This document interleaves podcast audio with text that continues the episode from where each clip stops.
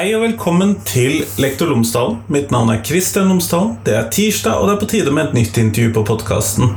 Denne gangen så snakker vi med Linda Renate Kvalvik fra RVTS Vest. Eh, dette er en fortsettelse på min satsing, eller miniserie, på seksuelle overgrep og møtet skolen har med elevene som rammes av dette.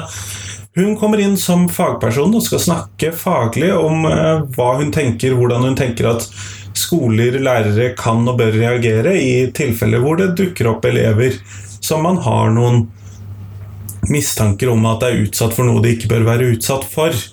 Sånn at det kommer i dagens episode, og det tror jeg kan være veldig nyttig. Hvis ikke du hørte episoden med Vilde Bratland Hansen i forrige episode som snakket om de opplevelsene hennes far hadde, og hvordan hun tenker at skolen bør møte den typen opplevelser, så gå og hør den episoden. Det er episode 377. Eh, ellers, podkasten er som alltid sponset av Cappelen Dam Utdanning, og hvis du går inn på tverrfaglig.cdu.no, der blant jeg to produkter fra Cappelen Dam Utdanning tverrfaglig.cdu.no, så finner du alle de oppleggene og ressursene som Cappelen Dam har laget i forbindelse med fagfornyelsen i den videregående skolen, da knyttet til de tverrfaglige temaene. Ressurser, oppgaver osv., det ligger der. Ellers, her kommer intervjuet med Linda Renate Kvalvik. Vær så god.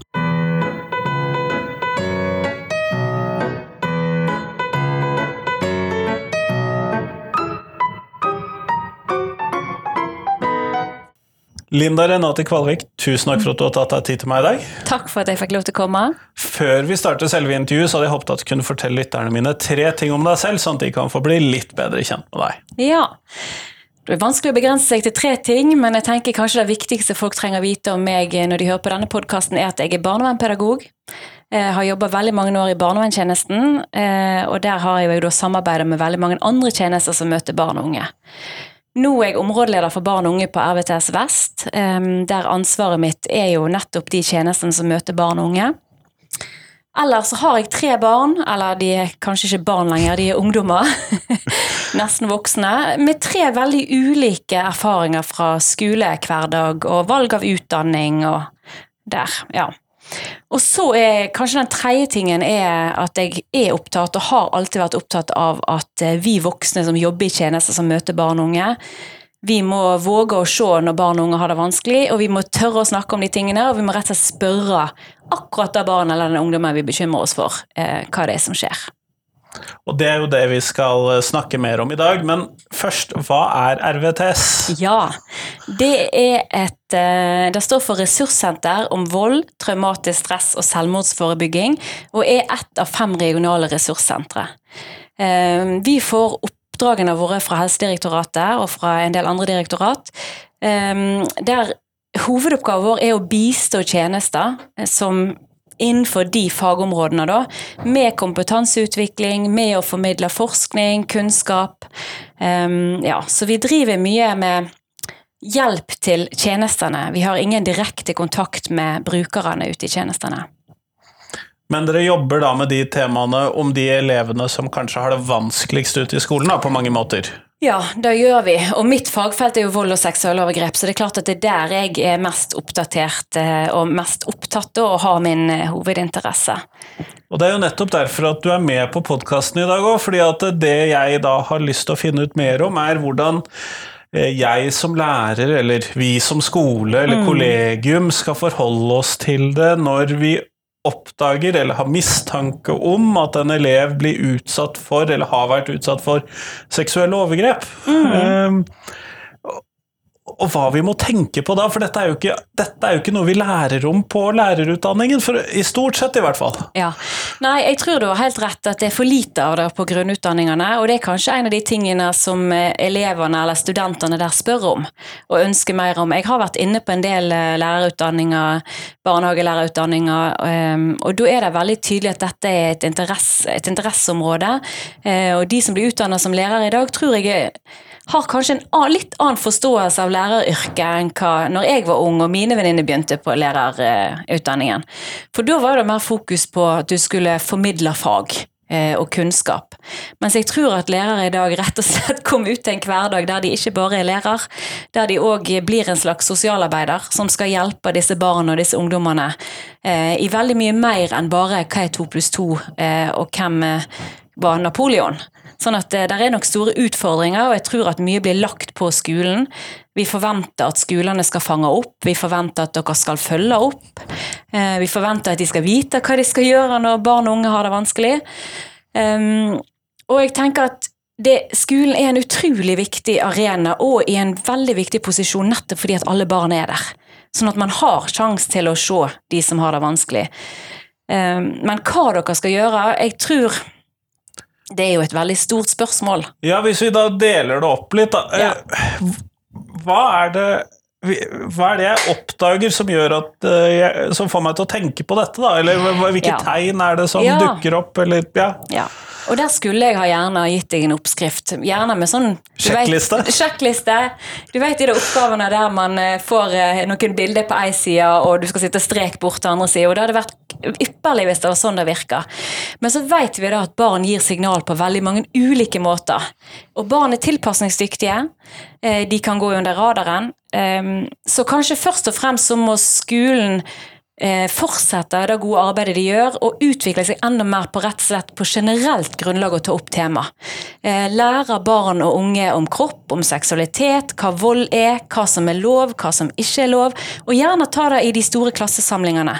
Altså Det er vi voksne som må tematisere det som barn skal få en forståelse av at de har lov til å ta opp på skolen. da. Fordi at da dukker det kanskje opp ting i samtaler etterpå, Ja. eller Og barn, det er en del forskning, altså hvis man snakker med barn og unge i dag, så er det fortsatt mange barn og unge som sier at vi vet ikke hva som er lov.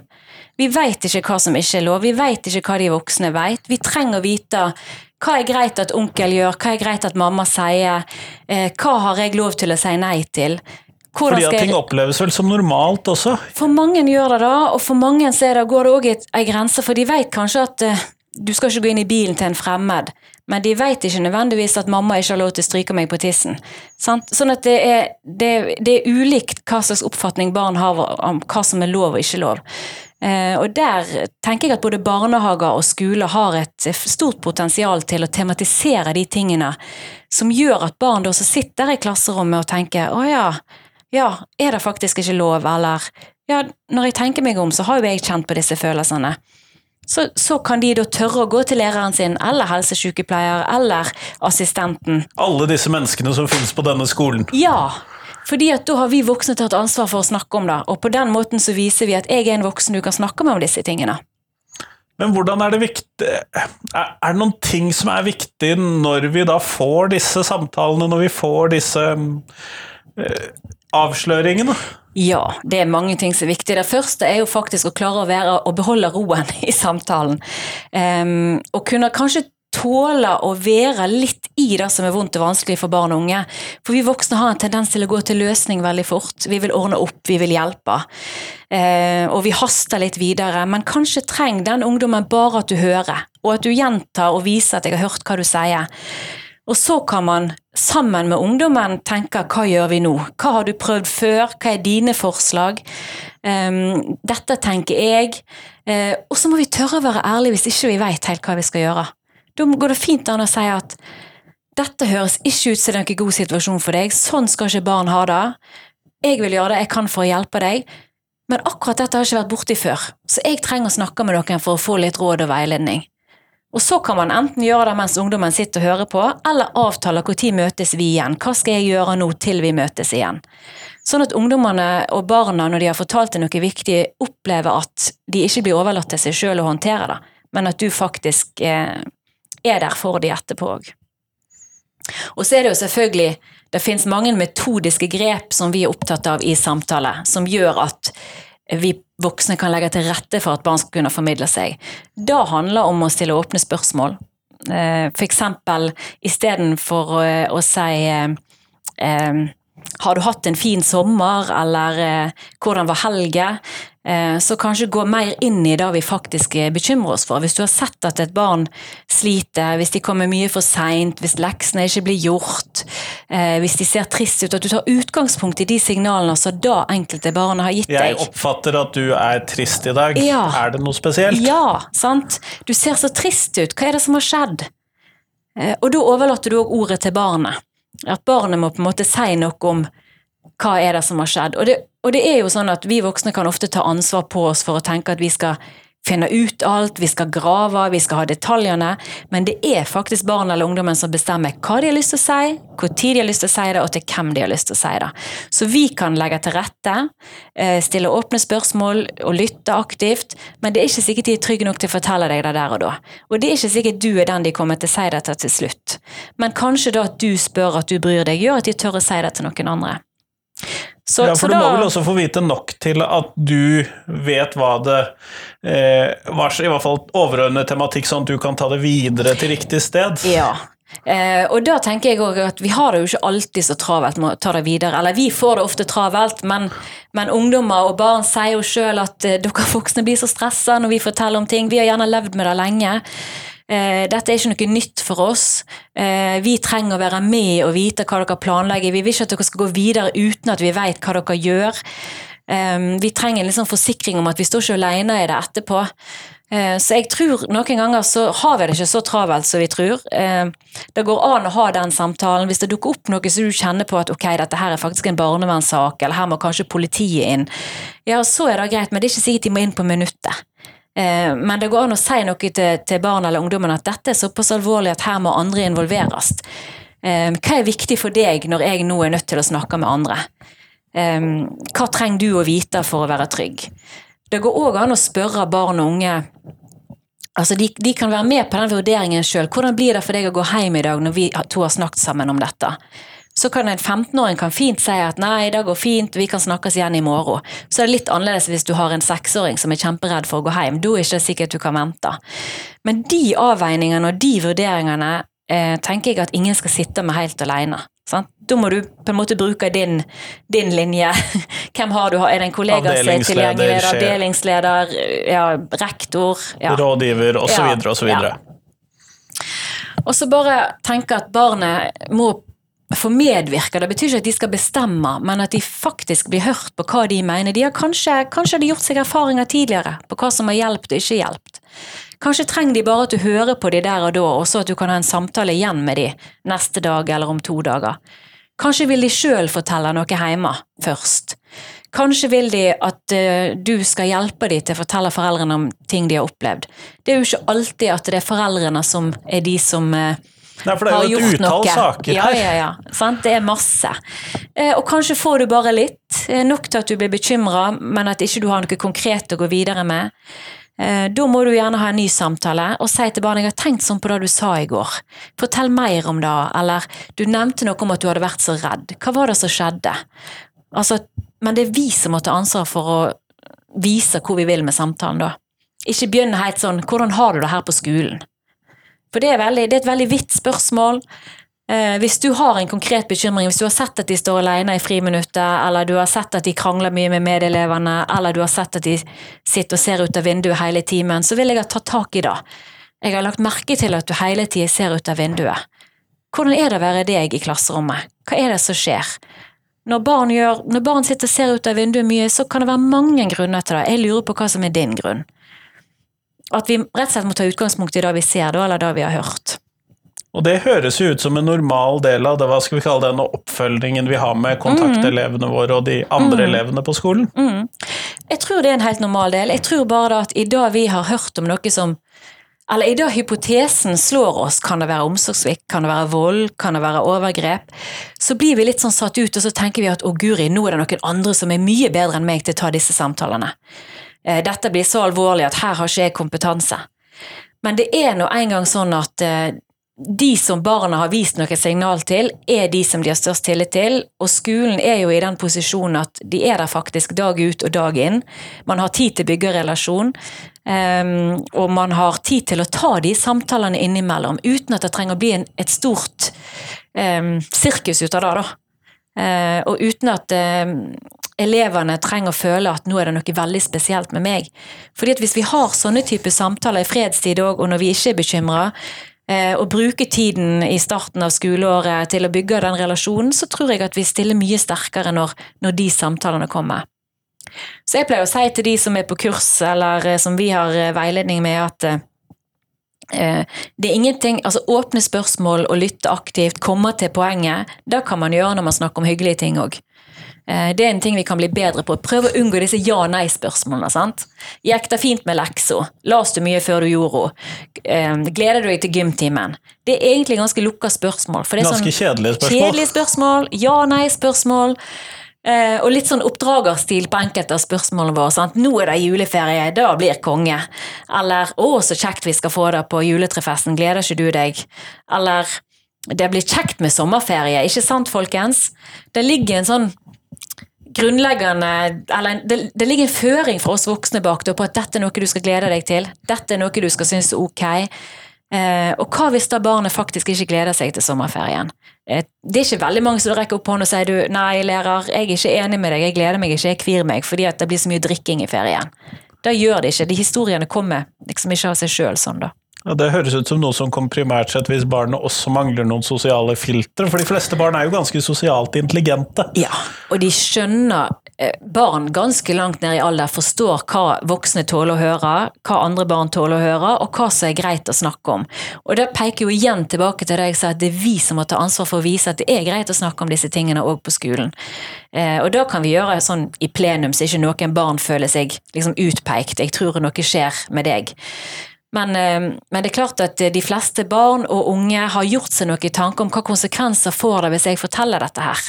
Og det er kanskje en av hovedgrunnene til at barn og unge ikke kommer av seg sjøl å fortelle. For de er redd for hva som skal skje hvis de forteller.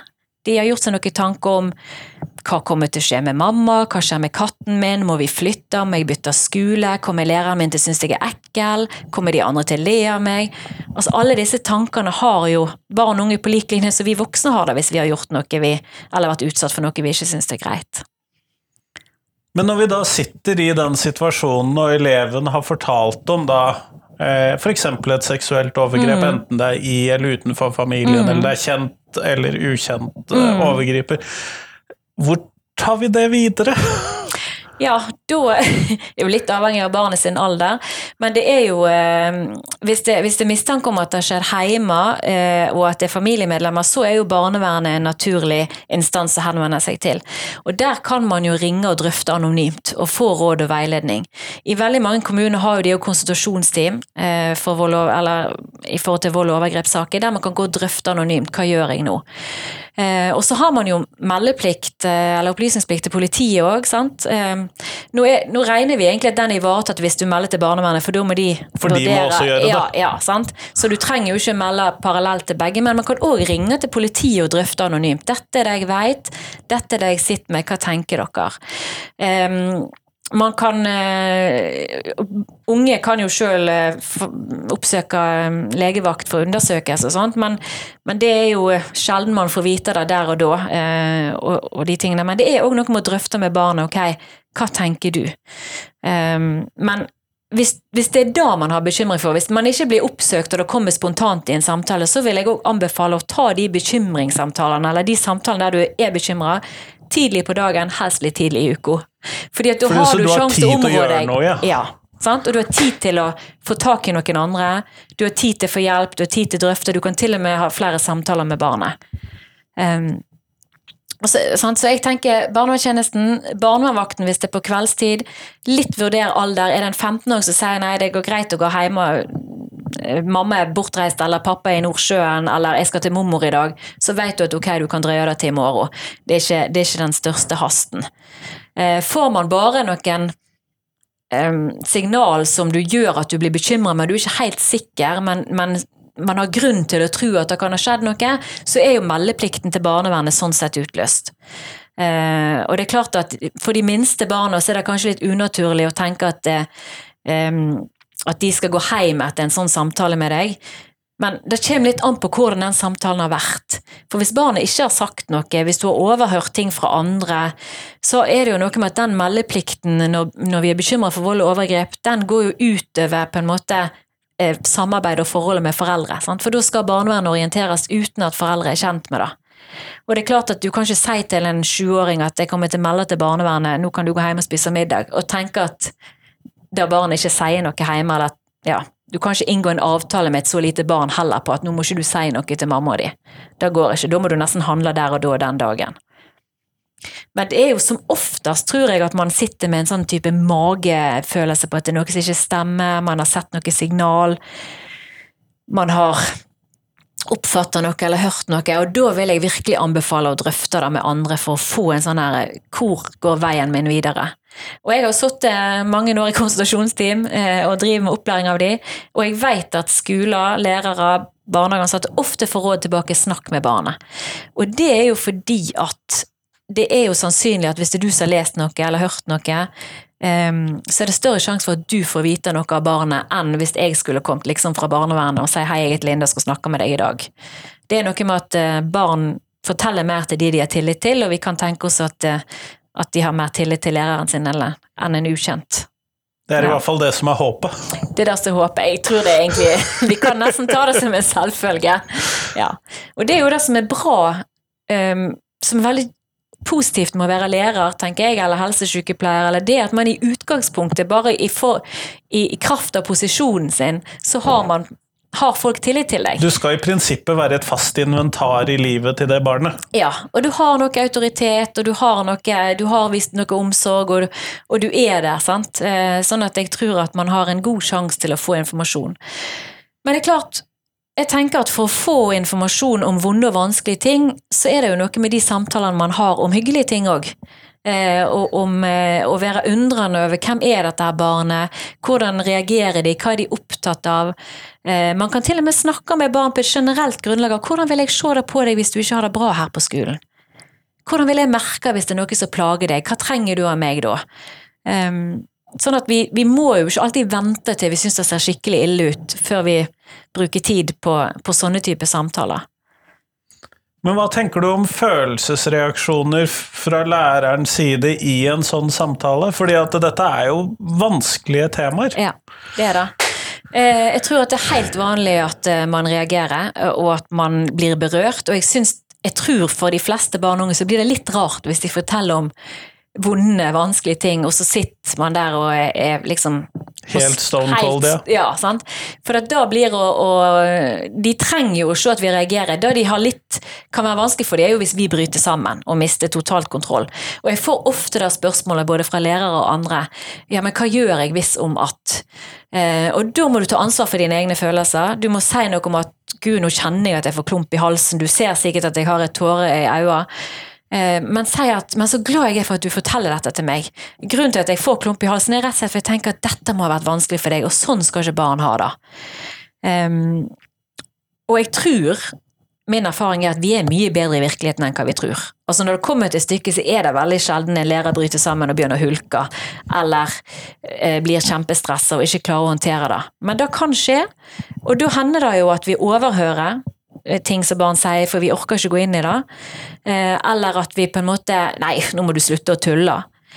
Eh, det kan skje, og da går det an å gå tilbake i dagen etterpå og si jeg har tenkt sånn på det du sa i går, og så sa jeg at det var bare tull.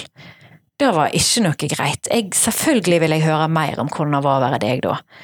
Eller ja, at, at vi, vi kan gå tilbake, så ikke tenk at selv om ikke du fikk det til den første gangen, eller selv om du har reagert det på en eller annen måte, så går det faktisk an å ta en samtale til. Det er ikke sånn at alt står og faller på at du klarte å gjøre det riktig der og da. Men jeg tror jo det er rett det du sier at vi stort sett får det til, for det blir jo noe med det der når vi går inn i en sånn krisehåndteringsfase, da, så klarer vi jo stort sett veldig mye uten å bryte sammen, selv om det er eh, katastrofalt triste ting. Ja. ja, jeg tror det. Jeg, min erfaring er at det går ofte mye bedre enn hva man tror. En annen ting er jo at man kan bli veldig sånn obs på at nå må jeg gjøre alt riktig. Eh, og gjerne, og jeg var jo på et kurs, og der lærte vi at vi skulle si sånn og sånn. Nå må jeg- hva var det jeg skulle si? Men man må jo huske på at det er jo du sjøl som er det viktigste verktøyet. Og hvis noen forteller noe til deg, så er jo det fordi at de har tillit til deg. Ikke til en sånn kursutgave av deg som har lært deg noen gode setninger. De har jo tillit til sånn som du vanligvis er å snakke. Så det betyr jo at, at man skal være seg sjøl òg i de møtene. Ehm, men det er klart, når det er sagt, så har jo vi sånne konkrete råd på nettopp det der eh, å spørre hva har skjedd, be de fortelle, utdype følelser og opplevelser. Sant? Hvor- Åpne spørsmål. Åpne spørsmål, ja. Hvordan var det å være deg da? Um, Men det er jo i liten grad ferdigprogrammerte setninger, da, i hvert fall. ja, det er det. Og du må bruke liksom din dialekt, ditt språk. eh, Men du kan godt øve deg i forkant. Hvis du vet at du skal ha en viktig samtale, pleier jeg å kalle det, heller enn vanskelig. Fordi at nesten som man gjør det vanskelig med å kalle det vanskelig. Men hvis du skal ha en viktig samtale med et barn du er bekymra for, så kan du godt øve deg i forkant. Hvordan skal jeg komme til poenget? Fordi at jeg ser når vi har rollespill og treninger, så er det da vi voksne sliter litt med. Vi blir veldig sånn vide og generelle, bruker lang tid på kontaktetablering, snakker om sol og vær og vind og fotballtrening, og sliter litt med å komme inn til det vi egentlig lurer på. Så har du trent deg litt i forkant, øvd deg på et par setninger i speilet, kanskje bedt en kollega høre, høres dette greit ut, kan jeg si det sånn, så er du litt tryggere. De fleste av oss er jo litt konfliktsky også, sånn at Ja, sant, og, og kvir oss gjerne litt til det, men, men ja. Jeg vet at det er ulik oppfatning ute i verden av rollespill og trening, men det er veldig nyttig. Fordi at du får en eh, Du kan liksom smake litt på ordene, og du kan kjenne litt på det. Og har du brukt eh, noen sånne formuleringer som du finner som du syns er gode noen ganger, så er det lettere. Og, og du må gjerne bruke det når du snakker med elever du ikke er bekymra for. Fordi at da stiller du sterkere når bekymringen er der. Skjønner. Men vet vi noe om hvor mange elever det gjelder som blir utsatt for ulike former for seksuelle overgrep i, i skole... Eller ikke i skoletiden, da, men i løpet av skolelivet? Ja, Vi vet det, eh, og det er gjort ulik type forskning i Norge. Blant annet er jo en stor eh, undersøkelse som er gjort eh, der barn og unge er blitt spurt. Riktignok er de fra tolv og oppover, der de blir spurt om sine erfaringer med, med vold og seksualovergrep. overgrep. Og der eh, finner man jo at det er en stor andel som har opplevd eh, vold eh, eller overgrep hjemme eller blant jevnaldrende. Eh, såpass stor andel at eh, vi er nødt til å se på det. eh, Og vi er nødt til å spørre. Eh, Og ser man på de voksenbefolkningen, så er det jo sånn at 5% av voksne sier jo at de har opplevd alvorlig vold mellom foreldre.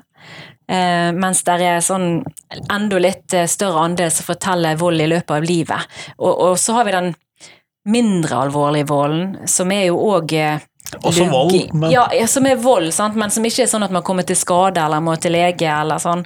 Eh, Og der er det en enda større andel. Eh, Lina, vet vi noe om hvor vanlig det er at elevene blir utsatt for seksuelle overgrep og vold og den typen ting som vi da her nå Ja. har snakket om? Ja, vi vet jo det, for det er jo gjort en del forskning på området. og Blant annet så har vi faktisk eh, Det er jo den første forskningen i Norge der eh, barn og unge sjøl spurt om sine erfaringer med vold og overgrep. Riktignok fra tolv år oppover. Men det er jo liksom sånn her og nå. Eh, her og nå-rapportering, da, for hvordan det står til. Eh, og da vet vi at det er faktisk så mange som én av 20 barn som rapporterer om alvorlig fysisk vold. Én per klasserom, to per, en og en halv per klasserom. Rett og slett. Mens, eh, mens den mindre alvorlige volden ser vi helt opp i én av fem. Eh, Så fire-fem stykker i hvert klasserom. da. Mm, og da kan det jo være Altså, der er, der er ikke så mange som rapporterer om gjentatt fysisk vold. Eh, der er jo, Inni disse tallene er jo det gjentatt fysisk vold, eh, og så er det de som opplever det én gang. Men det er rett og slett 10 som rapporterer om gjentatt fysisk vold. da. Og det er jo ganske mange. Eh, som, som lever med vold eh, og erfarer vold flere ganger. Og det vi vet fra andre undersøkelser, er jo at en del av de barna som opplever vold og overgrep i omsorgssituasjonen og i barndommen, er mer utsatt òg som voksne. Ehm, så, så det er jo eh, Det er ganske høye tall, og det er ikke så mye som tyder på at den alvorlige volden i Norge har ikke gått så veldig mye ned i løpet av de siste 50 årene. Ehm, og da ser vi òg når voksne blir intervjua, så, så er det ganske like tall på tvers av generasjonene. Det er jo litt deprimerende, da. Det er det, men det er på en måte forståelig Eller det er vanskelig å forstå det, men vi kan tenke oss at eh, den mindre alvorlige volden som lugging, eh, klask, eh, ris på rumpa, ørefika Det var jo vanlig på skolen i gamle dager òg. Du hadde jo lov til å, å tukte elevene. Da har vi på en måte blitt kvitt gjennom holdningskampanjer, gjennom lovendringer eh, og gjennom rett og slett en generell Dette er ikke lenger greit. dette er ikke lenger greit, og barn sin posisjon i samfunnet har vokst. Eh, De, er, de blir mer sett på som egne individ, som viktige mennesker de, som skal få lov til å ha sine egne meninger og ha sitt eget liv. Sånn at eh, posisjonen til barn har jo kommet mye mer frem i Norge i dag. Men den mer alvorlige volden, den kommer nok til uttrykk mer i familier der eh, man kanskje har andre vansker som rus, psykisk uhelse. Eh, Der kan være foreldre som sjøl har opplevd grov vold eh, og omsorgssvikt. Eh, Det er vanskeligere å stoppe den grove volden hvis man sliter med å håndtere og regulere egne reaksjoner og følelser. Så der var det andre problemstillinger, rett og slett. Ja, ja. Så, så den alvorlige volden er jo den som er mest skadelig. Men det er òg viktig å merke seg at 20% av barna i den UEVO-studien, som står for unges erfaringer med vold og overgrep, eh, rapporterer om psykisk vold. Og vi har ofte en tendens til å ikke tenke på den psykiske volden eller den emosjonelle volden som så alvorlig. Nei, for det, ikke, det, det blir ikke noe slag Nei, sant? og du får ikke noe merke. Og der er det òg, tenker jeg, sånn i forhold til skolen si- sitt ansvar og mulighet for å hjelpe barn og unge. Det er veldig få barn og unge som er klar over forskjellen på fysisk og psykisk vold, eller i hvert fall lite klar over hva som er greit og ikke greit, og, og hvordan jeg reagerer på den emosjonelle ja. For det var jo ingen som slo. Nei. Og jeg har til og med jobba med ungdommer som har sagt eh, Jeg husker spesielt eh, ei jente som gjorde sterkt inntrykk på meg, som sa at eh, jeg skulle ønske min far bare hadde slått meg. Fordi at det hadde vært så mye bedre enn at han kaller meg for hore og sier han skulle ønske jeg var død. Og det er klart at når du hører det, så kan jo man forstå eh, det som en del forskning finner når man snakker med voksne, er jo at de rapporterer om større helseplager som følge av psykisk emosjonell vold enn fysisk vold. Eh, fordi at det gjør noe med deg å bli fortalt at du er verdiløs, at eh, det er ingen som kommer til å elske deg, at du er ekkel og grisete, eh, og at jeg skulle ønske jeg ikke var mora di. Det, det er kanskje noe annet enn å oppleve at foreldre mister besinnelsen, at de slår deg fordi du ikke har gjort det bra på skolen, eller at du blir straffa for at ikke du har oppført deg skikkelig, som, som kan være ille da òg, men, men de barna får, kan være heldige og få god omsorg på andre områder. Men følgene kan bli så store av denne psykiske volden. Og så er det jo heller ikke til å stikke under en stol at det er veldig få barn som vokser opp i heimer med vold der det bare er én type vold. Eh, der, du har jo ofte en blanding eh, av ulike ting. Eh, og vi ser jo òg at barn som er sårbare og som har opplevd mye vondt og vanskelig hjemme og ikke har fått den støtten de trenger i i, liksom, I de tidlige årene og i, i oppveksten sin, de er jo mer sårbare og i mer risiko, både i ungdomstid og i voksentid. Nettopp for Kan det ha noe med at de ikke eh, vet helt hvor disse grensene går? Ja, jeg tror det kan ha en del med det med grenser, og så handler det òg om det som vi ser som kanskje den mest alvorlige konsekvensen av, av vold og overgrep over tid, og gjerne i veldig sånn utviklingssensitive perioder, er jo nettopp da, da vi får vansker med det å regulere følelser eh, og kroppslige tilstander. Ehm, og da får man mindre, hjernen får mindre kapasitet til å utvikle vurderingsevne, refleksjonsevne, eh, de tingene som går på, på den fremste delen av hjernen, der som vi tenker med, mens det er på en måte følelseshjernen som er mest aktivert. Fordi at man har vært det, altså Hjernen er jo sånn lagd at den utvikler seg, altså Det som han får trening i, det blir han god på. Og Hvis det, treningen din er å, å se etter fare, og passe på å overleve eh, og finne ut av hvordan skal jeg klare meg her, så er det mindre kapasitet igjen til konsentrasjon og til å lære seg til å vurdere situasjoner.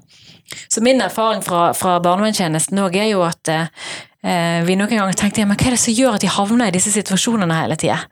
Men det er sannsynligvis eller muligens fordi det er vanskelig å gjøre vurderinger hvis ikke du har fått trent deg i det. Og hvis du har mer enn nok med å håndtere de følelsene som kommer, så, så kommer du i situasjoner der du ikke klarer å beskytte deg sjøl, da. Men når vi da er i en Eller hvis jeg er en rektor, da. Eh, hvordan kan jeg sørge for at eh, personalet mitt har den nødvendige kompetansen til å eh, Hvis de vil ha mer kompetanse enn et 35 minutters podkastintervju? ja. Det fins jo, eh, og det tror jeg ikke alle rektorer vet, men det er jo lagd et um, undervisningsopplegg for skoler uh, som heter jegvet.no, der det ligger med lærerveiledning både fra, helt fra barnehage opp til videregående. Um, og Der er det med undervisningsopplegg i klassen, og så er det lærerveiledning, og så er det hva man skal kunne diskutere. Det går jo mer på det generelle, da det å lære barn om ulike ting. Og det jeg vet, er jo lagd sånn at det passer inn i læreplan og livsmestring og de tingene. Så det er et, et, godt opplegg som skoler kan ta i bruk. Og så er det jo andre selvfølgelig som tilbyr diverse opplegg for skoler. Jeg tror at det som rektorer kanskje er nødt til å tenke gjennom, er hvordan, hvordan kan jeg sikre at min skole følge opp dette her og ha gode rutiner eh, og jobbe godt med det. Og da tror jeg det er viktig at alle på skolen får litt av den samme opplæringen, og at man blir enig på skolen. At man gjør et valg på at de barna hos oss som har utfordrende atferd som er vanskelig for oss å håndtere, der vi ikke helt forstår hva det går i. Vi skal velge å se på de som at det kan være ferdigheter de mangler, og at det er, vi må vi må se om vi kan bistå de, hjelpe de. Eh, og i hvert fall her hos oss skal det være trygt å fortelle både om kjekke og gode ting i livet, men òg om vonde og vanskelige ting i livet. Så, så det er jo en utfordring, men det fins opplegg der ute som man kan bruke. Har dere noen kurs for lærerkolleger og sånn, eller er det andre som tilbyr det? Nei, vi har blant annet eh, Nå skal vi blant annet både i september og oktober så har vi um, introduksjonskurs eller eh, kurs i forhold til samtale med barn i samarbeid med statsforvalteren i Vestland og Rogaland. Uh, og vi prøver nå etter hvert å komme oss litt sånn mer inn på det digitale området, vi òg. sånn at um, der satser vi på opptak, i hvert fall av den ene dagen. Sånn at de som melder seg på, ikke har mulighet for å være der på dagtid, kan se det på kveldstid. Vi ser òg på muligheten for å lage mer sånt opplegg som skoler kan drive med sjøl. Vi har òg lagd et digitalt opplæringsprogram som nå er et par år gammelt, eh, men allikevel nyttig, som heter Trygg til handling, som ligger åpent og tilgjengelig på nettsida vår. Med arbeidshefte og med et eget hefte til ledere, enten det er noen rektorer eller eh, ledere i barnehager, på hvordan de kan gjennomføre den økten eh, i sin tjeneste eller sin avdeling. da. Det er jo noe. Du, vi går mot slutten av podkastintervjuet, og da så skal jeg stille deg det spørsmålet som jeg stiller til alle de jeg intervjuer. Ja. Uh, og så velger man jo selv hvordan man svarer, og hva man svarer på det. Men uh, hva er de tre viktigste tingene som skolen lærer elevene? Ja, jeg har tenkt på det, da. Altså, jeg eh, Altså, Én ting er den faglige kunnskapen dere må lære dem, men, eh, men jeg tror at dere har en mye viktigere, eller en tilleggsoppgave da, som er viktig. Eh, og kanskje den, det som jeg er mest opptatt av, er at dere må sånn I skolesammenheng så må dere lære elevene å lære. Eh, altså jeg tenker Det finnes så mange ulike måter å lære og utvikle seg på. Eh, og skolen har en sjanse til å bruke veldig mange ulike metoder. Prøve å finne ut hvordan lære denne eleven best, eller denne elevgruppa best. Og rett og slett lære de hvordan de kan ta til seg eh, kunnskap og kompetanse, ikke bare om de teoretiske fagene, men òg andre ting, da. Og så tenker jeg inni det så ligger det òg at dere har sjanse til å lære dem å kjenne seg sjøl eh, bo, altså finne tak i hva er mine ressurser, hva er det jeg mestrer. Alle elever har noen gode egenskaper, noe de er noe de kan bygge videre på, og noe som de trenger at andre ser. Og gjerne noen utenfor familien, som f.eks. skole. For én ting er at liksom mamma og pappa sier du er fantastisk, men en annen ting er at eh, læreren sier at dette ser jeg at du kan godt, du er jammen en god venn, eller eh, så, så grei du er som hjelper de andre, du er skikkelig flink til dette her. Altså at man finner noe med hver elev som, som gjør at de kan bli kjent med seg sjøl, og tørre å liksom jobbe videre med det de trenger å utfordre seg på. Eh, og være trygg i det de er gode på. Og så jeg har jo hørt på podkasten din, så jeg har jo hørt at de andre òg drar frem denne gamle formålsparagrafen, men jeg tenker det er noe med det der å lære de å bli gangs menneske. Det er jo en veldig fin ting. Eh, og jeg tenker, Det er jo noe med at man går på skole. Vi har jo skole fordi at altså I Norge er alle på skolen. Det er jo hovedsakelig fordi vi vil at de skal klare seg greit når de blir voksen. Altså De skal jo ha det fint mens de er på skolen, men vi, vi utdanner jo på en måte samfunnsborgere. tenker dere utdanne. Ikke bare teoretiske samfunnsborgere, men samfunnsborgere som klarer å være i relasjoner med andre. Uh, og som på en måte klarer seg i samfunnet. Og kanskje da de må ha lærer de å, å ha fremtidstru. Altså selv om det er noe de ikke fikser på skolen, eller selv om de ikke kommer inn på den skolen de absolutt vil inn på, eller er liksom best i alt, så, så blir det noe Altså, de kan få et godt liv allikevel. Tusen takk for at du tok deg tid til meg i dag. Takk for at jeg fikk komme.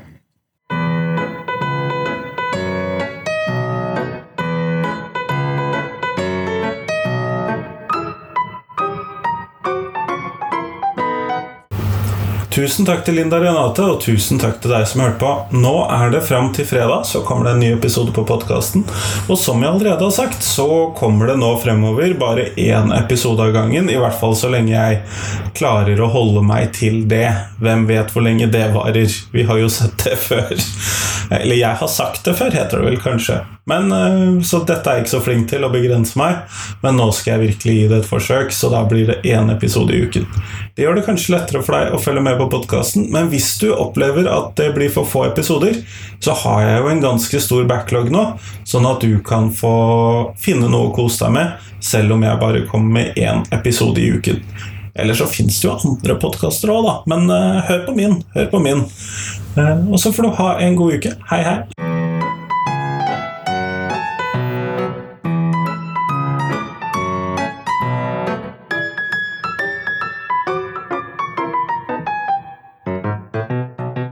Jeg trenger tips ikke bare om mennesker jeg skal intervjue, men også om temaene jeg skal intervjue folk om. Så send meg gjerne tips til et tema, og da trenger du ikke nødvendigvis ha tenkt ut hvem jeg bør intervjue.